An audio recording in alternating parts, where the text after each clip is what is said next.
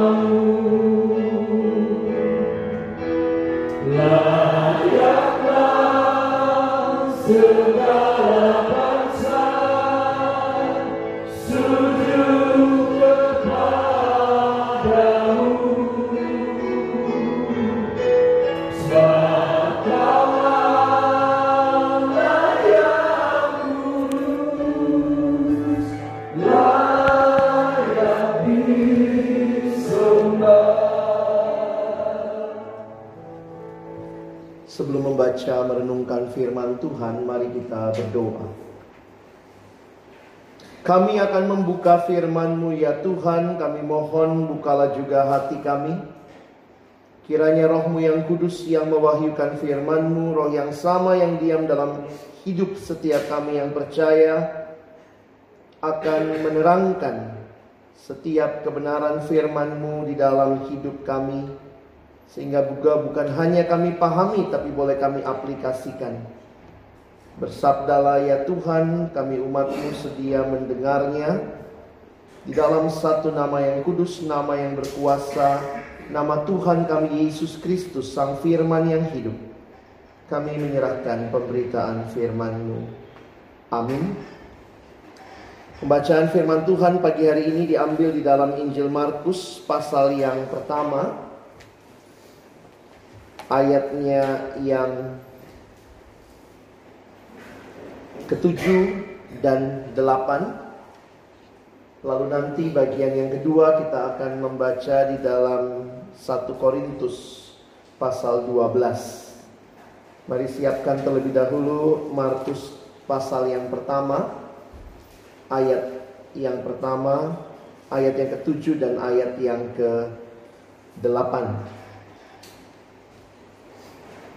Mari kita membaca ayat ini bersama-sama. Satu dua ya.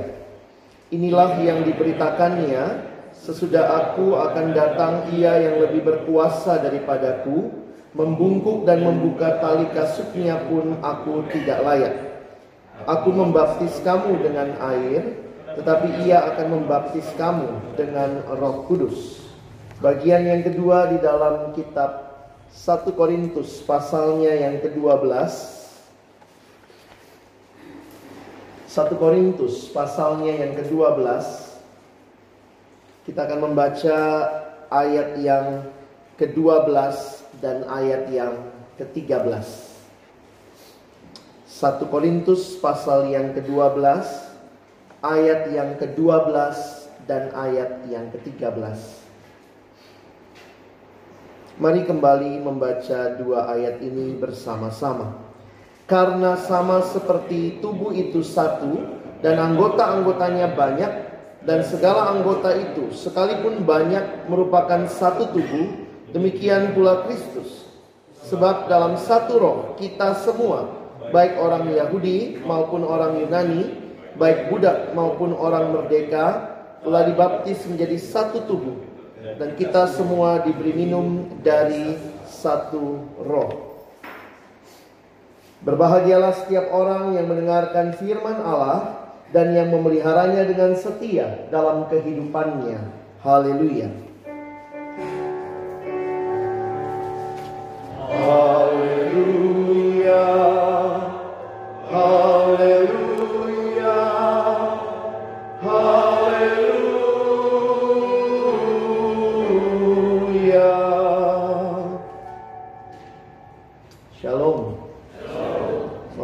Jemaat yang dikasihi Tuhan Kita bersyukur di hari perhentian ini Tuhan berikan kepada kita untuk datang dan beribadah kepada dia Tema yang menjadi perenungan kita pada pagi hari ini adalah makna baptisan Roh Kudus bagi kita. Saudara yang dikasihi Tuhan, saya mungkin sedikit concern dengan pergumulan seorang adik yang pernah saya layani. Yang satu waktu dia datang dan dia bertanya. Pertanyaannya begini. Kak, saya ikut satu kelompok Kristen bergabung ke satu gereja tertentu yang dekat dengan domisili dia tinggal. Lalu saya katakan apa yang jadi pergumulanmu saat ini dan dia mengatakan saya diminta baptis roh. Lalu kemudian saya tanya, apa yang dimaksud dengan baptis roh? Dia mengatakan di tempat kami ibadah saat ini ada satu upacara tertentu, ada satu ibadah yang dilakukan dan ketika ibadah itu maka pendetanya nanti akan tumpang tangan, lalu kemudian kalau tumpang tangan baru Roh Kudus kemudian akan memenuhi dan itu disertai dengan tanda-tanda itu biasanya ada yang pingsan kah, ada yang jatuh, ada yang berbahasa roh dan sebagainya. Lalu saya tanya sama dia, kamu kenapa bertanya demikian? Karena dia berkata, saya bingung lihat hal ini.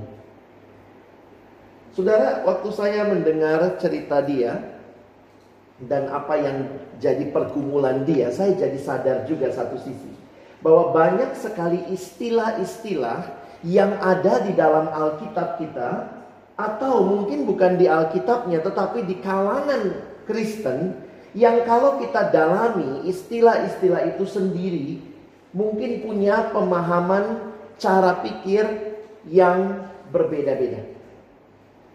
Ada gereja yang begitu ngomongin Roh Kudus terus. Ada yang gereja kayaknya jarang sekali ngomong Roh Kudus kecuali Pentakosta.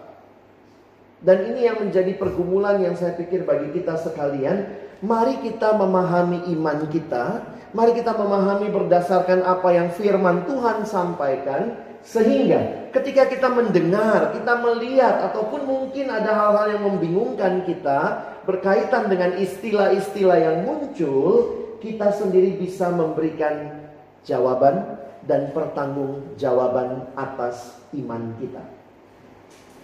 Saudara yang dikasihi Tuhan, jika kita melihat apa yang disampaikan di dalam kitab suci, saya ingin kita memahami lebih dulu sebelum bicara lebih jauh tentang Roh Kudus, kita akan melihat bagaimana Alkitab menyampaikan tentang Roh Kudus. Saya memberikan beberapa kesimpulan saja bagi kita. Yang pertama, Alkitab bicara tentang Roh Kudus adalah pribadi. Saudara, apa maksudnya pribadi? Pribadi adalah satu keberadaan yang memiliki rasio, bisa berpikir, memiliki emosi, dan juga memiliki kehendak. Berarti dia bisa atau mau dan sanggup untuk melakukan sesuatu.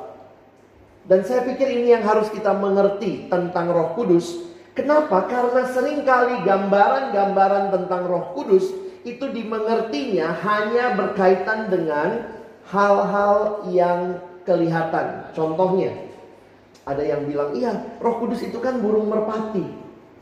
Jangan lupa Alkitab tidak bicara roh kudus adalah burung merpati. Tetapi ketika Yesus dibaptis, langit terbuka dan ada roh Allah tampak seperti.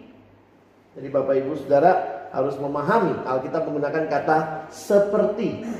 Ya roh itu ya tidak bisa sebenarnya kita lihat. Tetapi apa yang terlihat di dalam kaitan pembaptisan Yesus seperti burung merpati.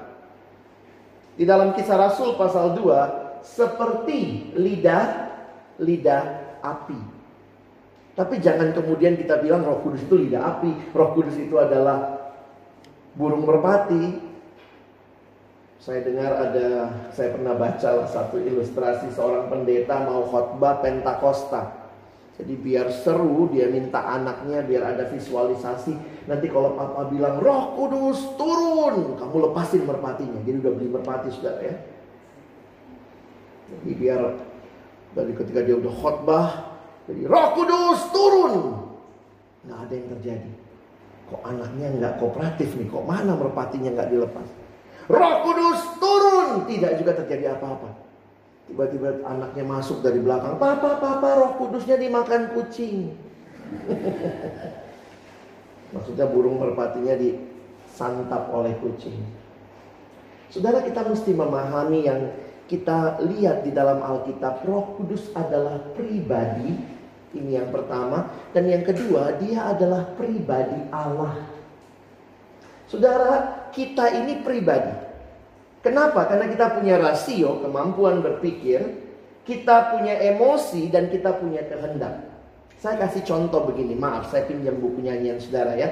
Buku ini benda, bukan pribadi, betul? Kalau saya pukul buku ini, yang sakit siapa? saya yang sakit. Kenapa? Buku ini tidak punya emosi. Dia tidak punya kehendak. Dia tidak bisa balas mukul ke saya. Saya adalah pribadi.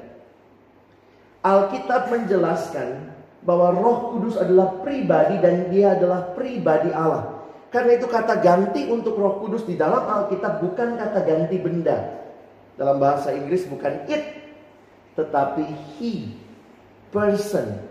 Jadi Roh Kudus adalah pribadi Allah. Kalau kita lihat memang Walt Disney itu ya membuat semua benda mati jadi hidup. Jadi kita kalau lihat, wih kayaknya ya karpetnya Aladin aja bisa terbang. Bisa ngomong, eh bisa ngomong, bisa gerak-gerak gitu ya. Meja, bisa kalau kita lihat film-film kartun anak-anak, kayaknya semua benda yang benda-benda itu dipersonifikasi. Kalau ada tuh yang uh, film kartun kesukaan ponakan saya, Car. Nah mobilnya tuh bisa ngomong begitu ya sama mobil sebelahnya. Itu imajinasi karena sebenarnya itu semua adalah benda. Tetapi waktu Alkitab bicara Roh Kudus, ini adalah pribadi Allah. Roh Kudus adalah Allah sendiri yang di dalamnya kita menyadari pribadi itu punya kemampuan berpikir, dia kehendak punya emosi dan juga punya kehendak. Karena itu kita nggak pernah dengar jangan mendukakan buku. Ada nggak gitu, Bapak Ibu ya? Yang bisa didukakan itu berarti dia adalah pribadi. Saya lihat di jadwal nanti Bapak Ibu Saudara juga akan belajar apa arti mendukakan Roh Kudus dan seterusnya. Nah, kenapa ini penting? Karena sering kali gambaran-gambaran yang dimengerti dan dipahami itu juga yang membentuk pola pikir kita.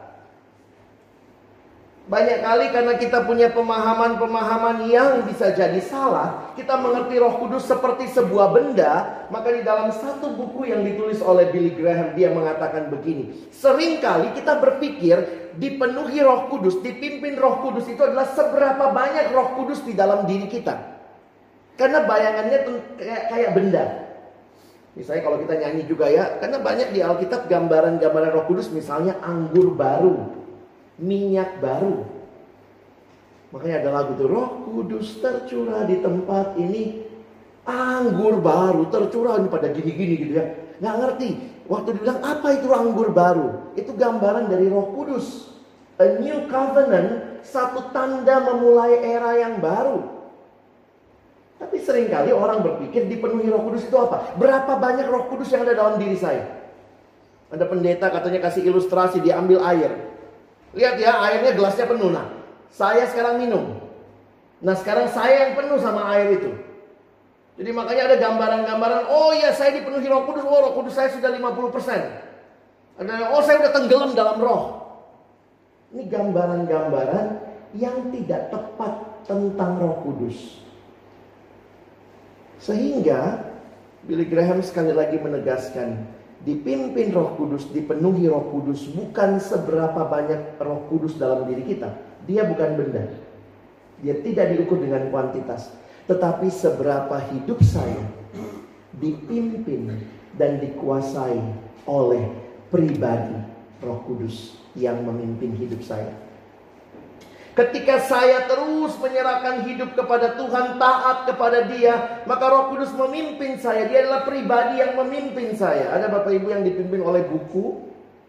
Gak bisa. Tapi kalau dipimpin oleh pribadi, saya membayangkan begini. Seperti seorang lagi jalan di mall bawa anak kecil. Seorang bapak bawa anaknya yang masih kecil. Bapak ini pribadi yang anaknya juga adalah pribadi. Ketika bapak itu menuntun anaknya, ketika anaknya menyerahkan tangannya dituntun oleh bapaknya pergi jalan sama-sama, itu berarti pribadi bapaknya menuntun pribadi anaknya. Sehingga penghayatannya bapaknya memenuhi anaknya. Keinginan bapaknya menjadi keinginan anaknya. Tetapi ketika anak ini mungkin waktu dia lihat lagi jalan sama bapaknya dituntun begini ini udah jam makan ayo anak kecil makan dulu. Tapi dia lihat mainan dia lihat toko mainan dia mulai mau memisahkan diri dari bapaknya. Dia tarik tarikan sama bapaknya. Bapaknya bilang makan dulu. Enggak mainan dulu. Makan dulu mainan dulu. Maka anak itu tidak menyerahkan diri dipimpin sehingga Alkitab menggunakan istilah jangan mendukakan Roh Kudus yang memimpin kamu. Kira-kira seperti itu. Nah, penghayatan seperti ini sering kali membuat orang juga berpikir tentang Roh Kudus sebagai sebuah benda yang harus dimasukkan di dalam hidup seseorang dengan upacara tertentu dilakukan oleh hamba Tuhan. Dengan demikian baru Roh Kudusnya bisa masuk. Secara sederhana ketika saya belajar bagian-bagian ini untuk tema hari ini, baptisan Roh Kudus tidak demikian pemahaman Alkitabnya. Nah, mari kita coba mulai melihat pemahaman tentang baptisan Roh Kudus. Yang pertama dan terutama Bapak Ibu harus perhatikan, di dalam Alkitab tidak ada istilah, tidak ada kata baptisan Roh Kudus. Kenapa? Karena di dalam bahasa aslinya yang digunakan bukan baptisan. Kata baptisan itu menjadi seperti kata bendanya, tetapi di Alkitab dipakai bentuk kata kerja. Dibaptis dengan Roh Kudus. Ada itu. Jadi nggak ada kata baptisan Roh Kudus, tapi dibaptis oleh Roh, dibaptis mela, uh, dibaptis dengan Roh begitu ya. Coba misalnya kita perhatikan ayat yang saya buka tadi dan ada tujuh kali di perjanjian baru, kalau Bapak Ibu perhatikan, tujuh kali di perjanjian baru istilah dibaptis oleh roh. Itu muncul tujuh kali. Nah enam kalinya itu adalah apa yang Yesus atau Yohanes Pembaptis katakan tentang apa yang Yesus akan bawa. Coba Bapak Ibu lihat lagi ayat di dalam Markus 1 tadi. Kalau Bapak Ibu mau membandingkan, saya sudah tulis di ringkasan khotbah hari ini. Kita melihat itu di dalam Matius 3 ayat 11, Markus 1 ayat 8. Jadi istilahnya yang muncul mirip-mirip begini. Aku membaptis kamu, aku di sini Yohanes Pembaptis ya, Markus 1 ayat 8. Aku membaptis kamu dengan air, tetapi kamu akan tetapi ia berarti Yesus akan membaptis kamu dengan Roh Kudus. Jadi Yesus yang akan membaptis. Kita itu berarti dibaptis. Medianya Roh yang melakukan adalah Yesus.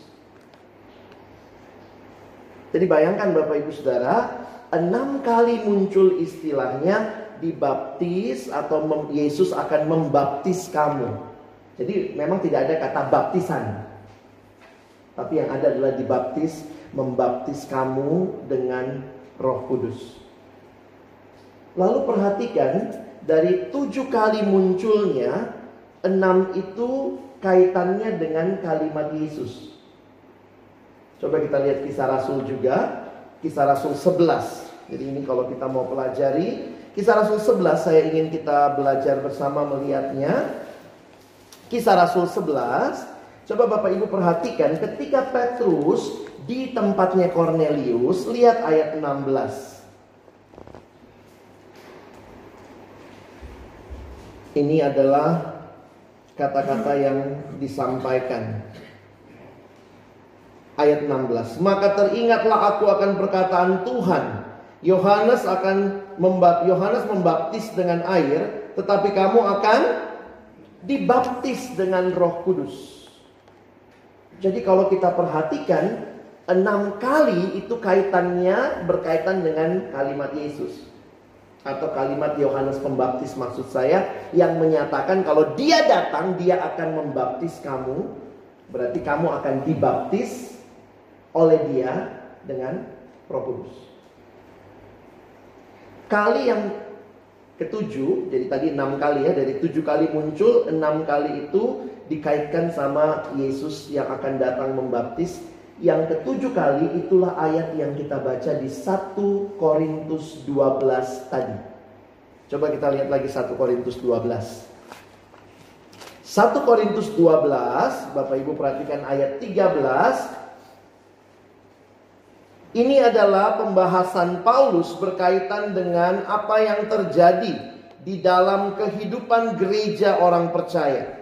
Perhatikan ayat 13. Sebab dalam satu roh kita semua baik orang Yahudi maupun orang Yunani, baik budak maupun orang merdeka telah dibaptis menjadi satu tubuh. Dan kita semua diberi minum dari satu roh. Muncul pertanyaan, siapa yang membaptis kira-kira? Kalau lihat enam kali yang sebelumnya, siapa yang baptis? Yesus. Karena itu kita lihat enam kali itu Yesus berarti kamu telah dibaptis oleh Yesus. Yesus yang baptis dan sarananya atau kita melihat di sini dikatakan Roh Kudus. Kita semua diberi minum dari satu roh. Jadi kalau kita pelajari istilahnya dari pemunculan di dalam Alkitab, kita harus bisa dengan tegas menjelaskan bahwa baptisan roh itu pertama baptisan roh itu dikerjakan oleh Tuhan bukan oleh manusia. Jadi perlukah penumpangan tangan khusus supaya orang dibaptis roh? Saya pikir itu justru tidak sesuai dengan apa yang Alkitab sampaikan. Karena itu saya pikir jangan bingung dengan banyaknya kelompok Kristen yang sekarang ada yang kayaknya memang begitu ya kalau kita di gereja-gereja yang tradisional yang cukup old style yang lama gitu ya. Kerasanya kan kebaktiannya ya begini-begini aja. Kalau ke sana tuh kayaknya wah dibaptis roh. Apalagi kalau menggelepar-gelepar kayaknya wow, Roh Kudus ada di sana. Itulah gereja. Selalu saling menuding ya. Yang satu bilang, "Gereja lu nggak ada Roh Kudus." Yang satu bertanya, "Padahal lu kebanyakan jadi kadang-kadang saya pikir Roh Kudus juga bingung kali ya. Karena itu waktu kita mau menguji yang mana yang harus yang yang sebenarnya, saya pikir kita harusnya menggunakan firman Tuhan.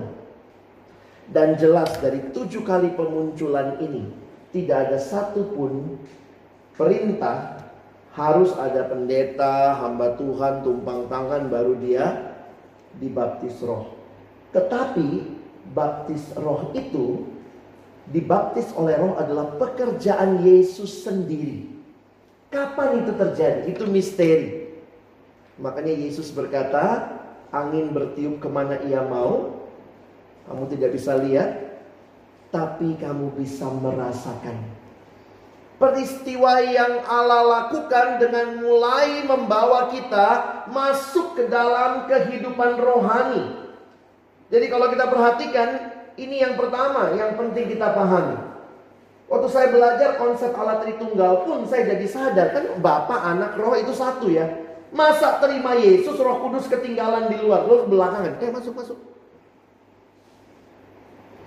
Sehingga ada satu buku yang kami pakai dalam sebuah pelayanan jelas sekali dari bab yang pertama mengatakan begini, semua orang yang sudah terima Yesus itu pasti sudah ada roh kudus.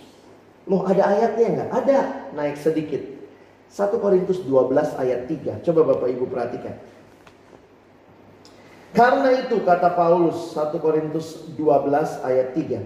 Karena itu aku mau meyakinkan kamu bahwa tidak ada seorang pun yang dapat berkata-kata yang berkata-kata oleh roh Allah dapat berkata terkutuklah Yesus. Dan tidak ada seorang pun yang dapat mengaku Yesus adalah Tuhan selain oleh Roh Kudus. Kalau kita bisa mengaku Yesus adalah Tuhan itu karena pekerjaan Roh Kudus. Itu yang tadi Paulus bilang di ayat 13. Kita diberi minum dari satu roh. Jadi Yesuslah yang membawa saudara dan saya mengalami baptisan roh itu. Kapan itu terjadi? Itu misteri. Tetapi di dalam gereja kemudian kita membawanya di dalam sebuah upacara yang disebut baptisan. Sehingga ada yang berkata begini. Ada dua baptisan. Baptisan roh itu dikerjakan oleh Allah. Dan gereja mengkonfirmasi itu dengan cara yang kelihatan. Baptisan roh dilakukan oleh Allah tidak kelihatan baptisan air dilakukan oleh petugas gereja, hamba-hamba Tuhan, pendeta-pendeta yang kelihatan. Ini seperti sebuah koin dengan dua sisi.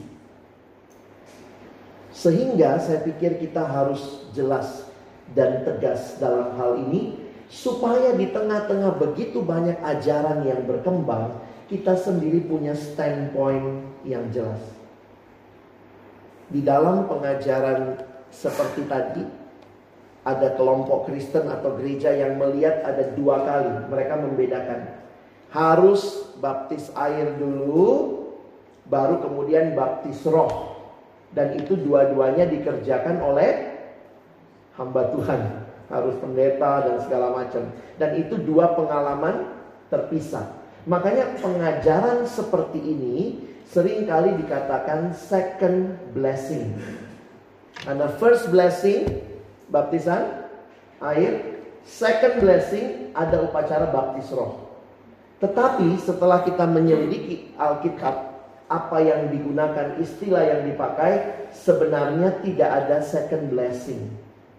Itu semua first blessing. Kenapa? Karena sampai kita bisa percaya itu karena karya Roh Kudus yang telah melahir barukan kita, membaptis kita. Kita dipersatukan dengan pengalaman kehidupan rohani yang baru. New covenant mulai.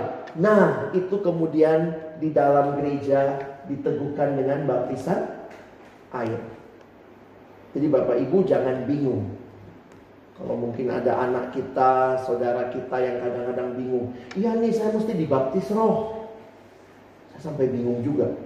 Jadi itu saya alami waktu remaja Bapak Ibu ya remaja itu kan begitu ya, gerejanya sendiri dihina-hina, gereja orang lain disanjung-sanjung.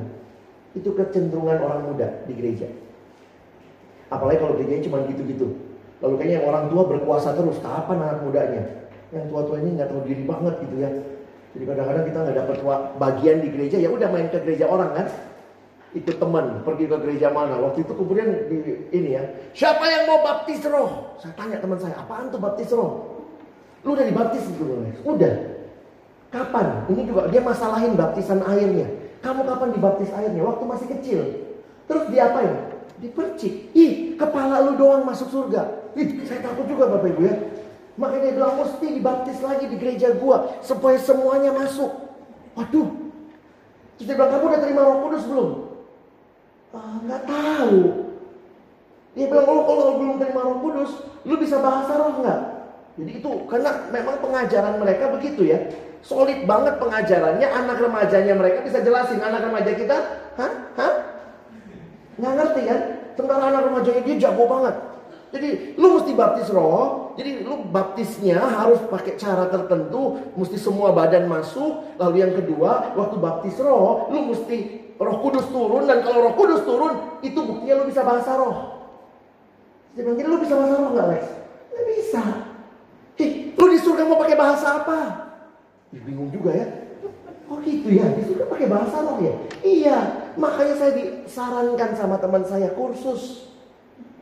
Kursus bahasa roh. Uji Tuhan dalam kebingungan saya, saya kembali ke gereja asal. Dan salah satu adalah saya karena suka baca dari remaja. Saya pergi ke toko buku, saya cari-cari. Maksud saya begini loh, saya jadi bingung. Kenapa gereja saya tidak mempraktekkan hal-hal itu? Yang salah gereja saya atau gereja sana? Kalau kenapa gereja kita nggak mempraktekkan? Nggak ada yang bahasa roh lagi kebaktian. Paling bahasa Inggris, bahasa Jawa. Kok bukan bahasa roh? Jadi saya bergumul, yang benar yang mana nih? Lalu kemudian saya ke toko buku dan saya ingat sekali saya dapat satu buku ya Tuhan tuntun lah ya itu buku yang sangat menolong saya judulnya Baptisan dan Kepenuhan Roh dari John Stott. Saya pikir itu yang tanda kutip menjelaskan Mengapa kita tidak meminta second blessing seperti yang di dilakukan di gereja-gereja lain. Karena itu bukan dua peristiwa terpisah. Dan tidak bisa dipaksa baptisan roh itu melalui tangan pendeta. Dan tidak ada yang bisa mengatakan satu-satunya bukti orang dikuasai roh adalah bahasa roh. Karena apa? Karena di dalam 1 Korintus 12 karunia itu beda, beda. Yang dapat bahasa roh silakan. Bahkan waktu Paulus memberikan petunjuk tentang bahasa roh, Paulus berkata, jika ada yang berbahasa roh, berarti boleh nggak ada Boleh aja, karena jika ada, haruslah dua atau tiga orang. 1 Korintus 14, 28 ke bawah. Bapak Ibu nanti kalau mau baca bahasa roh di situ. Kalau ada yang berbahasa roh, haruslah dua atau tiga orang. Lalu kemudian antri Gantian ngomongnya, bukan barengan. Dan kalau dipakai dalam pertemuan jemaat, harus ada yang menafsirkan supaya jemaat dapat dibangun. Makanya saya pernah ikut juga Bapak Ibu ya, namanya remaja ya. Ikut kebaktian baptisan roh akhirnya saya ikut ya. Itu waktu itu saya udah di Jakarta, saya ingat sekali di gedungnya di Bang Dewa Ruci yang sekarang jadi Neo Soho itu di Grogol. Datanglah kami saya waktu itu kuliah tingkat satu ya. Datang ke sana lalu kemudian apa Bapak Ibu yang terjadi kita masuk ke baktian itu anak muda semua. Lalu pintunya digembok, nggak boleh keluar. Karena wah, ngeri juga nih gereja ya. Dia gembok pintunya tidak boleh keluar lalu kami di situlah terperangkap. Mau pipis juga nggak boleh. Kunci pintu. Lalu kemudian mari siapa yang mau terima roh kudus. Ini pembaptisan roh. Maju yang mau terima. Teman saya dorong saya, lu maju. Saya ikutan maju, saudara. Udah maju, kemudian hamba Tuhan, tim hamba Tuhannya mulai keliling. Mulai tumpang tangan, satu-satu gitu ya. Terus teman-teman saya sebelah depan kiri itu udah pada bahasa roh, gitu ya. Saya juga nggak tahu dia ngomong apa gitu ya. Dia udah bahasa roh. Nah saya nggak dapet dapet. Dia tumpang terus, tumpang terus gitu ya di depan udah pada jatuh. Saya udah bingung gitu. Dia ngomong, bilang haleluya, haleluya. Lebih cepat, haleluya, haleluya. Mungkin saya udah, udah dia pindah lagi, udah dapet nih. Tapi saya sendiri bingung loh pengalaman itu. Maksudnya sesudah saya baca buku itu pun ternyata waktu saya ikut dengan teman saya ke satu kebaktian itu saya jadi sadar begitu iya ya di di aliran tertentu mempraktekkan itu sebagai keharusan. Sementara di gereja-gereja tradisi seperti kita tidak melihat itu sebagai keharusan. Kenapa? Waktu saya pelajari Alkitab, doktrin kita jauh lebih selaras dengan kitab suci. Bukan dua pengalaman yang terpisah, itu hanya mungkin dilakukan oleh Yesus dan itu sebenarnya tanda mengawali hidup rohani kita. Sehingga ketika Bapak Ibu bisa mengaku Yesus adalah Tuhanku, sebenarnya karena Roh Kudus telah membaptis kita. Atau Yesus telah membaptis kita dengan Roh Kudus. Diberikan tinggal di dalam hati kita. Jadi saya berharap buat Bapak Ibu Saudara sekalian, mari dalami kembali Alkitab kita, iman kita sehingga kita memahami apa makna baptisan Roh Kudus. Itu bukan sebuah pengalaman kedua, tetapi pengalaman pertama ketika Tuhan melahir barukan kita masuk ke dalam keluarga Allah. Mari hidupi ini, nikmati dan terus bersyukur kepada Tuhan. Sebentar lagi kita akan merayakan Pentakosta. Itu bukan pengalaman kedua juga. Karena ada yang bilang, lihat aja. Kisah Rasul, Rasul-Rasul kan Roh Kudusnya turun. Itu pengalaman spesifiknya para Rasul. Sehingga kalau kita lihat di dalam bagian lain tidak pernah ada perintah harus ada pengalaman kedua. Saya berharap iman kita iman yang berdasar kepada kitab suci. Kalau ada gereja yang melakukan itu bagaimana Pak? Itu urusan mereka. Kadang-kadang kita nggak bisa menghakimi ya. Kadang-kadang yang saya pikir juga kita nggak pernah diajari nyerang-nyerang gereja lain. Tapi paling tidak kita harus punya standpoint tapi dia begini begitu, makanya ada yang tanya sama saya, apa sih Pak yang bikin baptisan itu sah? Apa apa banyaknya air harus masuk semua tubuhnya. Jadi baptisannya sah karena banyaknya air. Baptisannya perlu diulang nggak? Sekarang kan mulai juga tuh gerakan baptisan harus diulang. Kurang sah. Sampai sekarang juga ada lagi yang lebih sah pergi ke Sungai Yordan, jalan-jalan ke Israel, baptis lagi dia di sana. Kenapa? Biar persis kayak Yesus. Ya ampun, terus dapat sertifikat dipajang di Facebook. Habis dibaptis di Sungai Yordan. Saya pikir ini orang makin makin nggak jelas ya.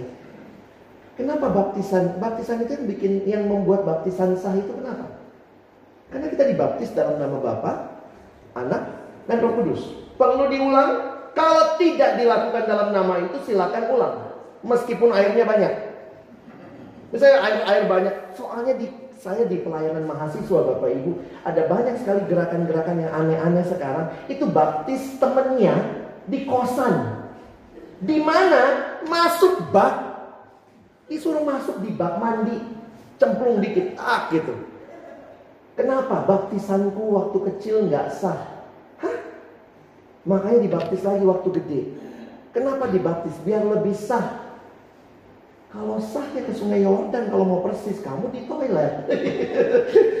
Jauh banget, tapi itulah. Ketika kita tidak punya pemahaman yang jelas, akhirnya apa pun ajaran yang datang, kita pikir benar. Baptisan sah karena dilakukan dalam nama Bapa, Anak, dan Roh Kudus. Tidak heran mungkin ada pendeta HKBP gerah ya, dia tulis buku. Baptis ulang, dosa. Kenapa? Karena selalu jemaat nanya, Pak, saya mau baptis lagi. Loh, bingung kita jawabnya. Kenapa? Kurang, surat baptis yang dari kita kurang. Mau dua, mau double. Katanya biar lebih sah. Mari kita pahami iman kita, kita celebrate, kita bersyukur. Kita ada di dalam Tuhan yang karyanya sudah genap. Kiranya Tuhan menolong kita. Amin. Mari kita ambil waktu sebentar berdiam diri dan kita berdoa.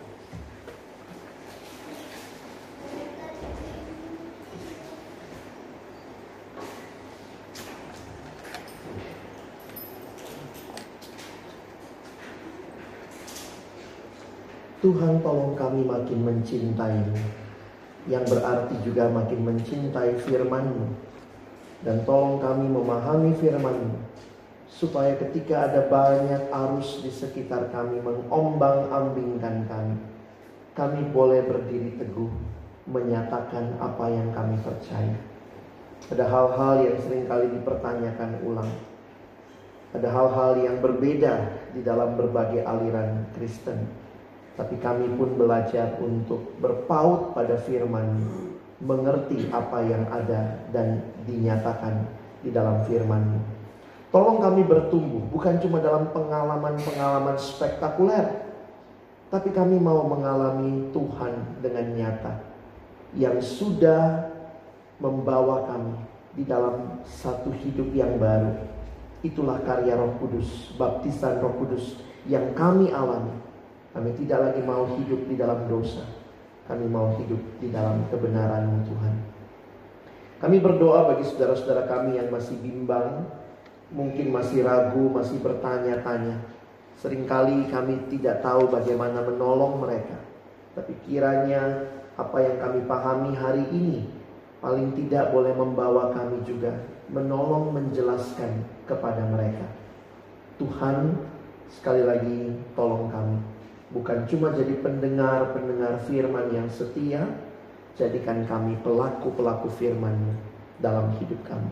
Di dalam nama Tuhan Yesus yang mengasihi kami, kami sudah berdoa dan bersyukur. Amin.